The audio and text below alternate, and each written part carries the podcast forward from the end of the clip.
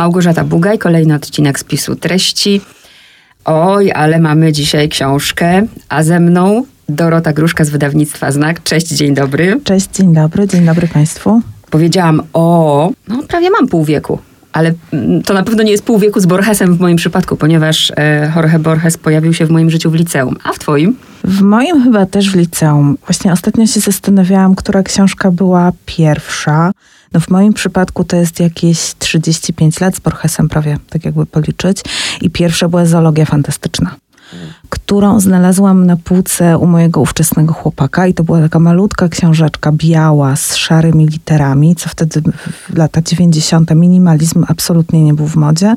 No i przepadłam na następne dekady Popatrz, jak zapamiętałaś, powiedziałaś ówczesny chłopak, a jaką rolę odegrał, nie? Prawda? że to na jego, Prawda? ta jego półka musiała być. Także y, cokolwiek by o nim nie powiedzieć, to ważną rolę w moim życiu odegrał, ponieważ przedstawił mi jednego z moich ulubionych pisarzy. To ważne. Mm, drodzy słuchacze, drogie słuchaczki, niezwykłe spotkania gigantów literatury. Mario Vargas Llosa, Pół wieku z Borgesem. Malutka książeczka, ale od razu powiem, powiem to, bo dlaczego mam tego nie powiedzieć, że to nie jest książka dla każdego. Ja niedawno, wiesz, bo szperam też bardzo dużo ludzi pisze o literaturze i nawet przed Twoim przyjściem czytałam recenzję tej książki w jednym z blogów literackich i to nie jest zarzut, to teraz mówię, bo każdy, nie wiem ile ta osoba ma lat i, i każdy ma też swoje życie, ale napisała tak, e, kim jest Liosa to wiem, ale o Borgesie dowiedziałam się z tej książki. Mhm. I ja y, zakładam, i tak chcę właśnie rozmawiać, że ludzie nie wiedzą, być może nie wiedzą kim jest Liosa nawet. Przedstawmy tych dwóch panów. Pokrótce. Jak najkrócej ich przedstawić. Tak. Ja tylko, przepraszam, zanim ich przedstawię, to powiem, że właśnie dlatego takie książki powinno się wydawać, żeby ktoś dowiedział się o istnieniu Borgesa. A potem, jak już przeczyta tę książkę, to sięgnął po, po to, co, co on sam napisał. Yy, najkrócej można o nich powiedzieć, że to są dwa literackie żywioły. Mario Vargas Llosa, yy, laureat yy, Nagrody Nobla, urodzony w 1936 roku w Peru, obecnie mieszka w Hiszpanii, autor wielu powieści, z których chyba najbardziej znane to Rozmowa w katedrze, Rok Kozła i Szelmostwa Niegrzecznej Dziewczynki. Wszystkie one ukazały się nakładem znaku.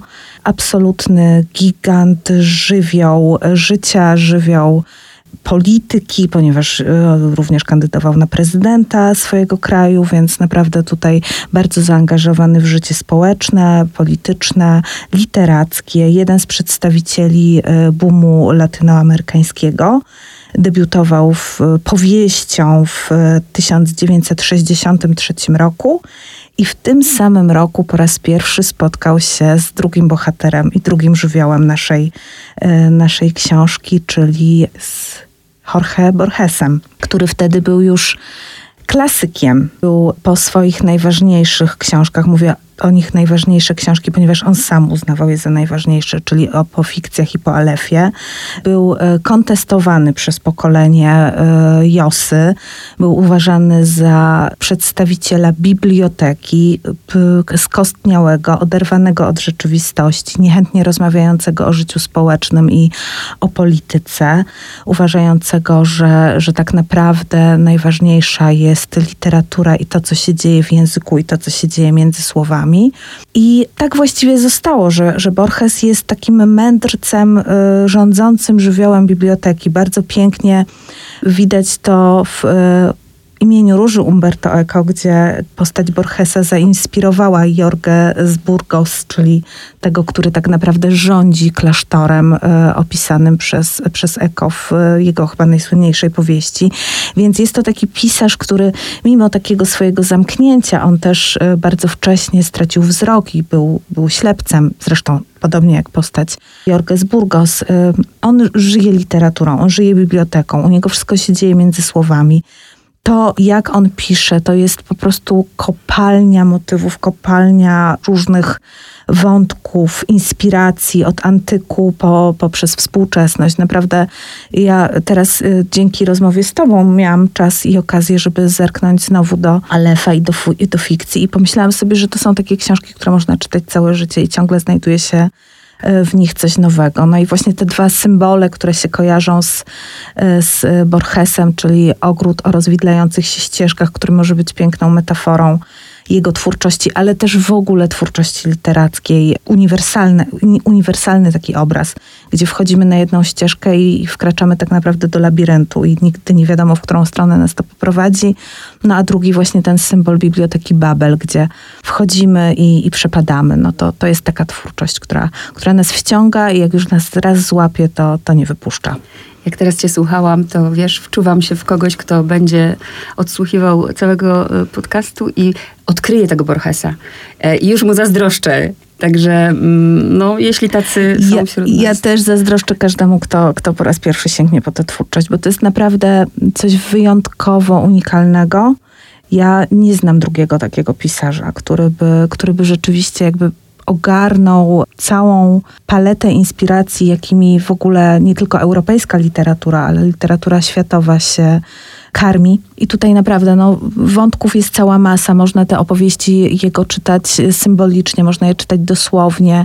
One są inspirowane literaturą, są inspirowane życiem, są też e, w bardzo dużym stopniu e, wytworem wyobraźni. No, ta zoologia fantastyczna, o której powiedziałam, czyli pierwsza książka Borgesa, po jaką sięgnęłam, no to to jest po prostu erupcja wyobraźni, inspirowana oczywiście atlasami zoologicznymi, więc też mająca takie bardzo mocne zakorzenienie w tradycji literackiej, czy piśmienniczej, powiedzmy, bo to bardziej tradycja piśmiennicza. Zanim przejdziemy do tego, co w tej książce, to jeszcze o Borgesie, wiesz, ja, to jest moje zdanie, że niedobrze się dzieje. Ja myślę o swojej konstrukcji i o tym, jak się czuję właśnie onieśmielona, jeżeli ja z góry gdzieś usłyszę na przykład, ktoś mi daje książkę -hmm. i to nie jest łatwa rzecz. I ja myślę, że tak jest trochę z Borgesem, że ludzie, mm, tak jak poezji, boją się, że nie zrozumieją. Mhm. No widzisz, no to mamy dwie misje do załatwienia tym spotkaniem. Nie bójmy się poezji, nie bójmy się poetów.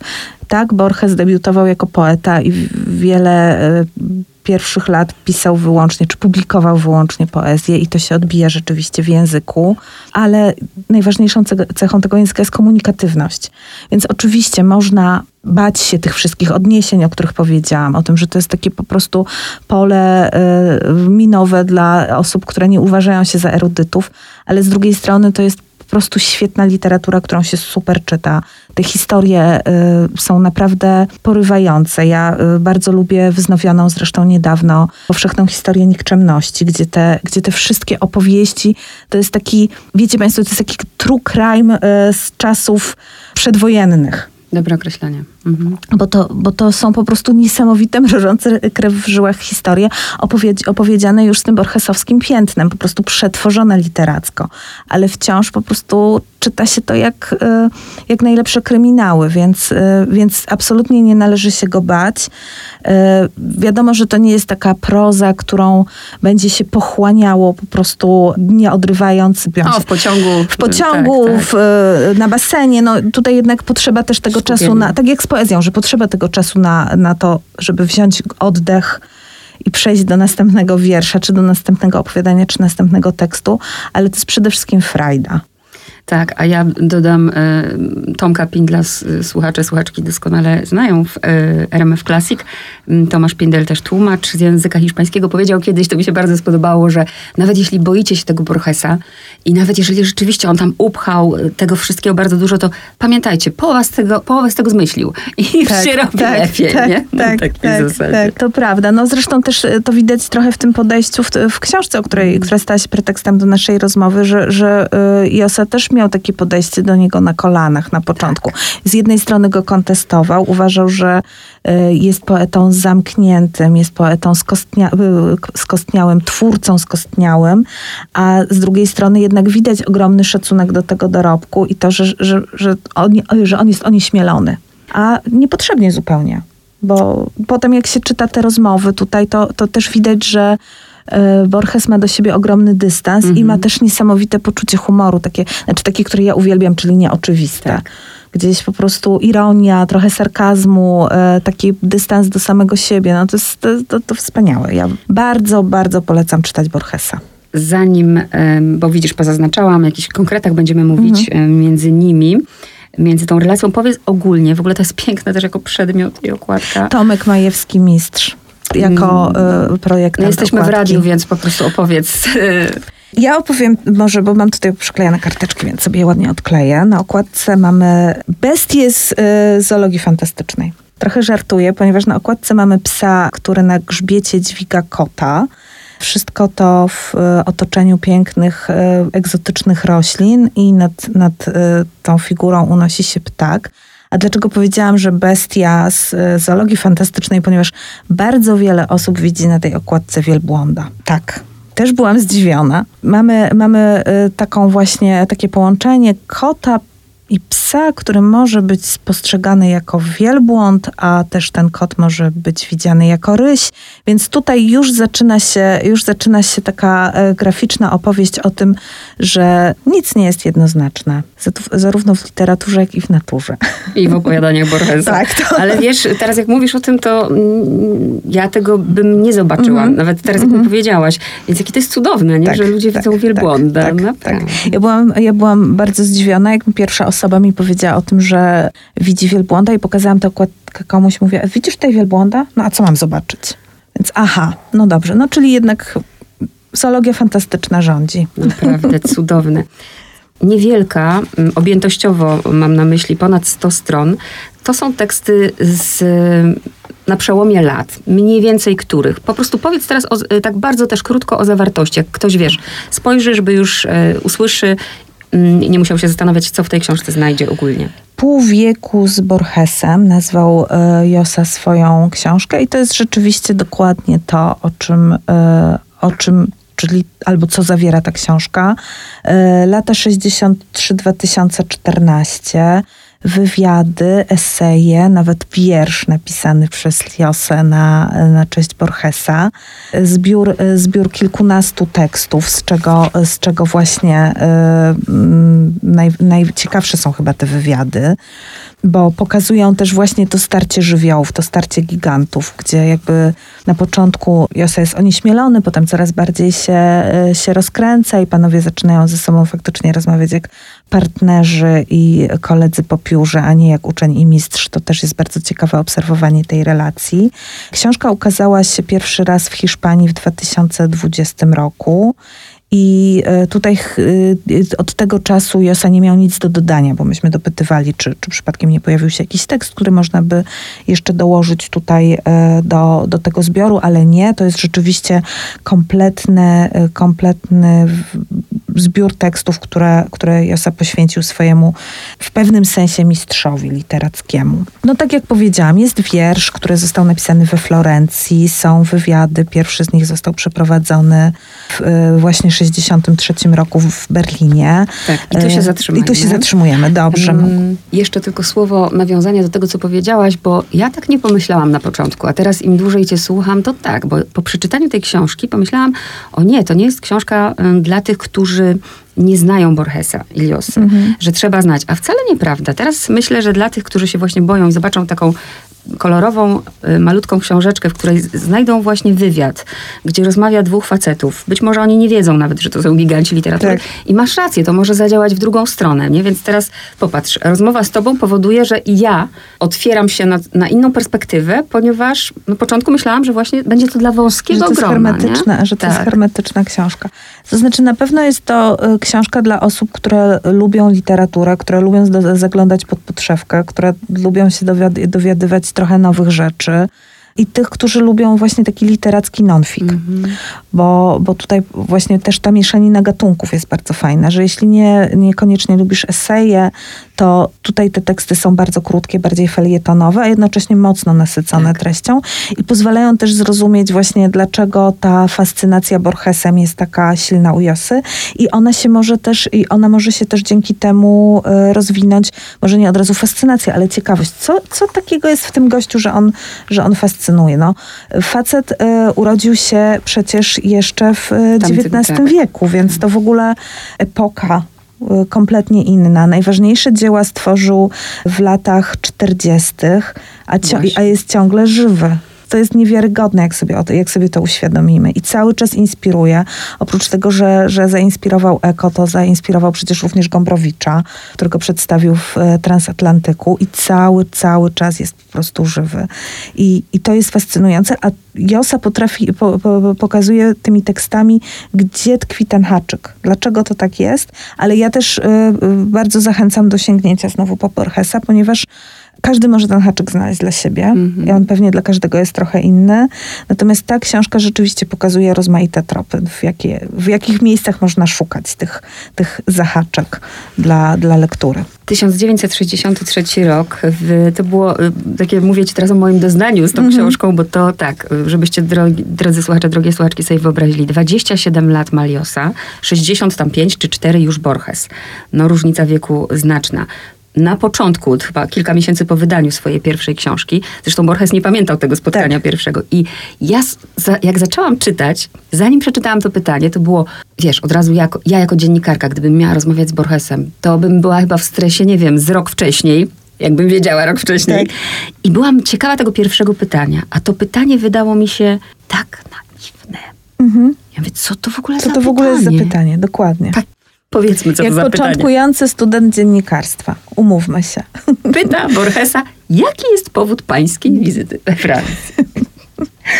I tak. Borges odpowiada, nie, nie drwi. To tak, było dla mnie tak, bardzo tak, zaskakujące. Tak, tak, te pytania rzeczywiście takie pierwsze są. Hmm, aczkolwiek domyślam się, no wtedy nie wiem, czy było to nagrywane, czy nie, że no jest to mocno, mocno przesitowane, tak, nie? bo nie wiemy, tak, jak to tak, wyglądało. Tak. Zresztą ja teraz zauważyłam, że się w ogóle pomyliłam i to spotkanie pierwsze było w Paryżu, a nie w Berlinie, więc tak od razu sprostowuję. Yy, bo powiedziałam, że w Berlinie mm. jakoś tak mi to utkwiło w głowie, ale nie. Mnie się też w, tej, w tym pierwszym wywiadzie bardzo, yy, bardzo podoba, że on jest taki szkolny. Szkolny, to jest dobre określenie. To jest taki szkolny wywiad, taki właśnie wywiad na kolanach, że z jednej strony, ja sobie to po prostu wyobrażam tę scenę, bo to jest rok y, 63, a Josa urodził się w roku debiutu prozatorskiego y, Borgesa. Więc to jest w ogóle po prostu y, tota- nie ma przypadków. Totalnie, totalnie wszystko połączone. Jak zaczniemy się przyglądać tych da tym datom, że tutaj nie ma, y, nie ma przypadków. I widać, że to jest na kolanach. I widać, że to jest takie E, właśnie mm, z, takiego, z, takiego, z, taką, z taką nieśmiałością powodowaną właśnie onieśmieleniem, tym, tą erudycją, że to rzeczywiście, że to rzeczywiście no, e, gigant się spotyka z jeszcze wtedy początkującym pisarzem. Ta kolejna rozmowa już jest zupełnie inna, prawda? Tak, ale ubezpiecza się pięknie na koniec, bo początek był mrożący i koniec też. Zadam panu kolejne konwencjonalne tak, pytanie i tych pięć tak. książek to już mnie rozłożyło na tak, łopatki, tak, nie naprawdę. Tak, tak. Natomiast mnie się tutaj bardzo podoba to, co Borges mówi o tych 37 osobach, które kupiły jego książkę. Bo to jest jakby taki przykład, jak bardzo on jest od, do siebie zdystansowany, jak wielkie ma poczucie humoru i jak otwarcie o pewnych rzeczach mówi. Państwo nie wiecie, on mówi, że jego książka Historia Wieczności sprzedała się w 37 egzemplarzach i on nie mógł uwierzyć w to, że aż tyle osób kupiło jego książkę i on chciał do każdego pójść i każdemu podziękować, żeby, że właśnie tak, y, tak zainwestował mądrze swoje pieniądze w jego, w jego twórczość. Więc, a mówi to już z pozycji pisarza, y, pisarza docenionego, doświadczonego, zapraszanego na, y, na, na, na wszelkie możliwe literatury literackie festiwale i konferencje, a wciąż pamięta ten moment, kiedy, kiedy był wdzięczny, że ci pierwsi czytelnicy się, się znajdują. Myślę o dzisiejszych pisarzach, Prawda? no wszystkich, bo nie chcę też wrzucać, broń Boże, wszystkich do jednego worka, ale na pewno są tacy, którzy zaczynając myślą o tysiącach i milionach sprzedanych egzemplarzy. A właśnie też zwróciłam uwagę na te 37, widzisz, to jest takie do zapamiętania, tak, tak. że możesz zobaczyć każdą z tych osób. Tak, tak, że właśnie to, to nie jest ta masa, tylko to jest 37 mm. osób. On tu zresztą chyba mówi o tym, że to jest, każda z nich ma tak. rodzinę, swoje życie, swoją tak. pracę, można sobie ją wyobrazić i pewnie można by o nich napisać jakieś ciekawe opowiadania. I masz rację, że tutaj w tych tekstach to napięcie rośnie od kolan aż po pozwolenie na to, żeby się nawet nie zgodzić i coś podważyć. Tak. Jeżeli chodzi o samego Borgesa, ja, ja chciałam o coś zapytać. Chciałam, mm. To jest chyba na początku, mm -hmm. bo on mówi o literaturze fantastycznej. Przypomnij mi. Bo to jest bardzo ważne, żeby tutaj uchwycić się tego słowa, o literaturze fantastycznej. Tak, on mówi, że nie przepada, Liosa mówi, że nie przepada mhm. za literaturą fantastyczną. Tak nazywa tę literaturę mhm. Borgesa.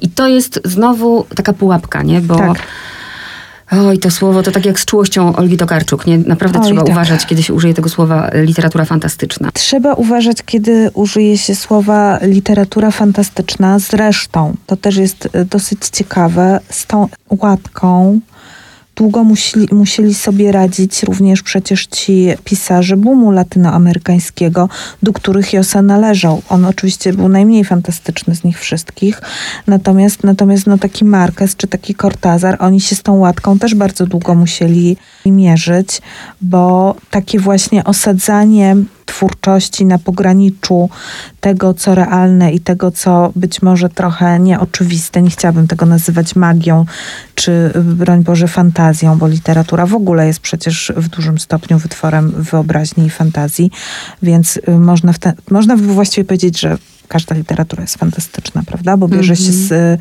z tego, co się urodziło w ludzkim umyśle. O, znalazłam to, o czym mówisz. Nigdy mnie nie pociągała literatura fantastyczna i niewielu autorów z tego nurtu należy do moich ulubionych. Kwestie czysto, czysto intelektualne i abstrakcyjne, oderwane od aktualności, jak czas, tożsamość, metafizyka, nigdy mnie zbytnio nie nurtowały, za to sprawy tak przyziemne jak polityka i erotyzm, którymi Borges pogardzał lub które ignorował, grają pierwszoplanową rolę w tym, co pisze. No właśnie, no on wspaniale podsumowuje właściwie te różnice tak. między nimi. Ale czytając to zdanie właśnie z tyłu głowy, trzeba jednak mieć y, rozszerzenie tego Tak. słowa fantastyka, Tak, bo jak tak. ktoś przeczyta to bardzo dosłownie, to no, dojdzie do nieporozumień. No, ta zoologia fantastyczna Tak. jest też świetnym przykładem. Właśnie mamy po prostu psa i kota, ale można sobie go wyobrazić jako wielbłąda. Kolejna rzecz, która bardzo mi się podobała, ale też przyznam szczerze, że miałam trochę kłopot y, w, uwierzenie Borgesowi, ponieważ mm, ja też lubię oglądać zdjęcia, wiesz, lubię patrzeć na twarz, jak ona się starzeje. Wiemy też, y, że przecież y, Borges traci wzrok i ten kolejny wywiad już jest w mieszkanku, w centrum Buenos Aires, bardzo skromnym mieszkanku. I Liosa jest zdziwiony, że w tej biblioteczce Borgesa, która i tak nie jest zbyt duża, nie ma żadnej jego książki. A on mówi, bardzo dbam o moją bibliotekę. A kimże jestem, żeby stać obok Schopenhauera? Miałam... Tylko pytanie, czy to jest ironia? Właśnie! Ja niestety idę w tę stronę. Prawda, że jednak jakby to jest trochę kokieteryjne. Tak. To jest trochę kokieteryjne. Czyli jednak też idziesz w tę stronę. Ja myślę, że on Mhm. miał szufladę, w, którym miał, w której miał wszystkie swoje książki i wszystkie tłumaczenia swoich książek, bo jakby nie wierzę w to, że można się oprzeć y, takiej pokusie, zwłaszcza jeśli jest się kolekcjonerem. Więc tutaj raczej, y, raczej szła, szłabym w taką autokreację. To, to, to dokładnie takie odebrałam e, wrażenie. Tak samo jak to, że tu, tu wszystko można czytać, no tak jak u Borgesa zresztą, na kilku poziomach. Na przykład Liosa zaznacza, że Borges chętnie się godzi na wywiady z dziennikarzami. Niech przychodzą, ale w zamian mają mu e, czytać, no bo on nie widzi, Tak. więc rozkoszuje się. Ale zaraz, zaraz, tam jest to jedno zdanie, które ja mam wrażenie, że on zaprasza tych dziennikarzy, żeby się trochę pośmiać z nich, nie? Tak, tak, tak, tak. Bo oni zadają konwencjonalne, Konwencjonalne pytania, nie pytania. rozumieją jego odpowiedzi. Dokładnie, dokładnie. A kto ten To jest, Borges tak, jest? tak, wydaje mi się, że to jest e, e, to w ogóle fascynująca postać. Ja byłabym bardzo ciekawa jego dobrze napisanej biografii w ogóle, bo to, bo to, ale to jest zadanie po prostu. O, tu przypomniałaś od razu fragment, kiedy on zadał mu pytanie, czy czytał swoje Tak, biografie. Tak, przeczytał tak. jedną, bo zagadkę znał, ale szukał klucza. Tak, nie tak, znalazłem. Nie znalazłem. Tak, tak. Mnie się też bardzo podoba, jak on mówi, że nalega na bycie Borgesem. Tak. Jest, y, on go py, pyta go Josa o to, jak, kogo podziwia, jak... Y, czy, czy chciałby być poszukiwaczem przygód, ale, ale on właśnie nie. On jest y, niezadowolony z losu Borgesa, ale nalega y, na to, żeby nim być. Więc on tak naprawdę zna swoją wartość i wie, ile, ile osiągnął i y, wypuszcza w stronę swojego rozmówcy takie sygnały, że nie traktuj mnie zbyt poważnie. Nie podchodź do mnie aż tak na kolanach. Dzisiaj Liosa 87 lat. Mm, Jak dla ciebie, bo to już po prostu pytam ciebie, Dorotę Mhm. Gruszkę, prawda? y, Starzeje się jako nie, jako, nie jako człowiek, jako pisarz Liosa. Bardzo jestem ciekawa twojej odpowiedzi.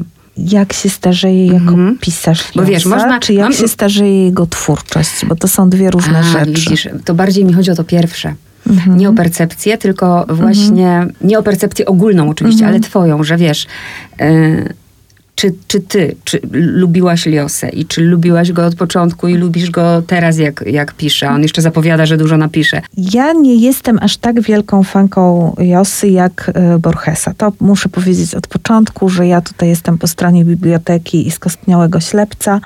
Natomiast niektóre e, powieści e, tego naszego Peruwiań, Peruwiańczyka e, absolutnie uwielbiam. I pierwszą jego książką, jaką przeczytałam, to było Święto Kozła. I ono ze mną zostało na zawsze. To jest taka powieść, która moim zdaniem się nie, nie starzeje. Ona mówi o dyktaturze, mówi o takich procesach, które cały czas, czas się dzieją właściwie pod różnymi szerokościami geograficznymi. No, mamy przykład e, za naszą wschodnią granicą w Ukrainie, że jednak dyktatura po prostu e, świetnie sobie, świetnie sobie radzi. I to, I to rzeczywiście jest książka, którą każdemu polecam. Drugą taką rzeczą, która z kolei pod względem formalnym mnie absolutnie porwała i uważam, że to, że Josa zrobił ten eksperyment, czyli tej rozmowy w katedrze, gdzie, gdzie przenikają się różne głosy, który mógłby być absolutnie nieczytelny i który mógłby być e, ciekawy wyłącznie dla e, teoretyków literatury i fanów takich eksperymentów mm. formalnych, a jednocześnie to się po prostu wspaniale czyta i udaje się jakby podążać za wszystkimi tymi głosami, za wszystkimi postaciami. To, te, dwie, te dwie powieści są dla mnie absolutnie wybitne i ja y, za nie najbardziej cenię, najbardziej cenię Josę. Ciekawy jest bardzo ten y, nurt taki bardziej popularny w jego mm. twórczości, czyli Pochwała Macochy, y, Pantaleon i Wizytantki, no właśnie niektórzy... Szaleństwa Niegrzecznej Dziewczynki, tak, czy ostatnio właśnie... Są ten, tacy, ten, którzy wręcz um, od tego momentu robią krechę. Tak, tak, ale on to się u niego przenika, mm. nie? To nie jest tak, że on pisze albo tak, albo mm. tak. To jest w ogóle... To to, tak mi się, przepraszam, głupie mam skojarzenie, ale powiem, skojarzyłam się z Woody Allenem. Kiedyś czytałam taką jego biografię, która się kończyła gdzieś w latach, e, końcówka 70., 80, początek 80., gdzie on powiedział, że on będzie już teraz kręcił tylko poważne filmy. Mm. Wszyscy wiemy, jak się skończyło. Trudy, bo jak kocham Woody'ego, ja jestem po prostu bezkrytyczna. Ja też jest, wiesz co, ja też jestem bezkrytyczna. Ja zawsze w takich sytuacjach przy, przywołuję Krzysztofa Wargę, który mówi, że on uwielbia dobre filmy, lubi, e, kocha e, średnie filmy i lubi słabe filmy Łudego Allena. Ja jestem dokładnie w tej samej drużynie, więc tutaj... Natomiast no, no właśnie to tak. postanowienie sobie, teraz będę kręcił tak. tylko poważne filmy, jak nie wiem, Hanna i jej siostry albo Alice na przykład. A, Alice. Mhm. Ale, a, a potem się zostaje, zostaje królem komedii. No więc u Josy to tak nie wygląda, tylko to się rzeczywiście przenika. Ja nie wiem, ja uważam, że, to, że, że jeśli jemu taka, taka taki płodozmian jest potrzebny -hmm. po to, żeby tworzyć takie arcydzieła, jak właśnie rozmowa w katedrze, to ja nie mam z tym, ja nie mam z tym problemu.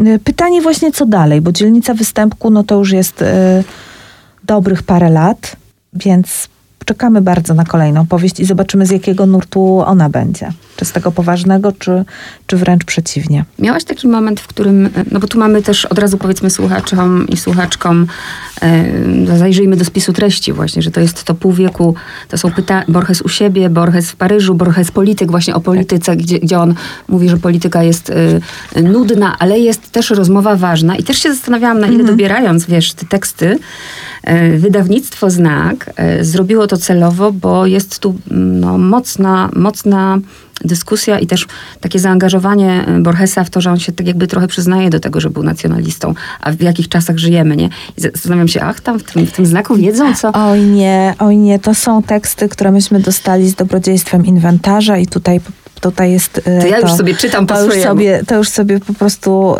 y, wpisujesz w kontekst, ponieważ to jest rzeczywiście zbiór przygotowany przez samego Josę i tutaj nie ma, i tutaj nie ma y, żadnej naszej intencji. Układ, wszystko zostało zachowane zgodnie z oryginałem, więc tutaj nie, nie było z naszej strony żadnych no to ja ingerencji. Tam, ja to, już jest sobie tak. to już jest twoja Jak z tym wielbłądem.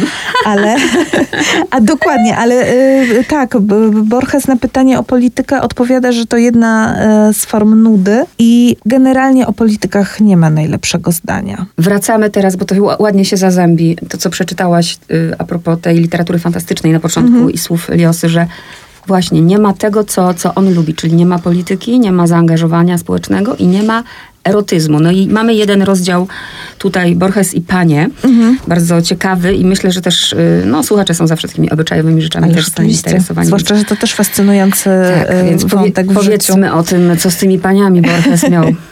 Oj, Borges był bardzo, y, bardzo rozchwytywany przez kobiety.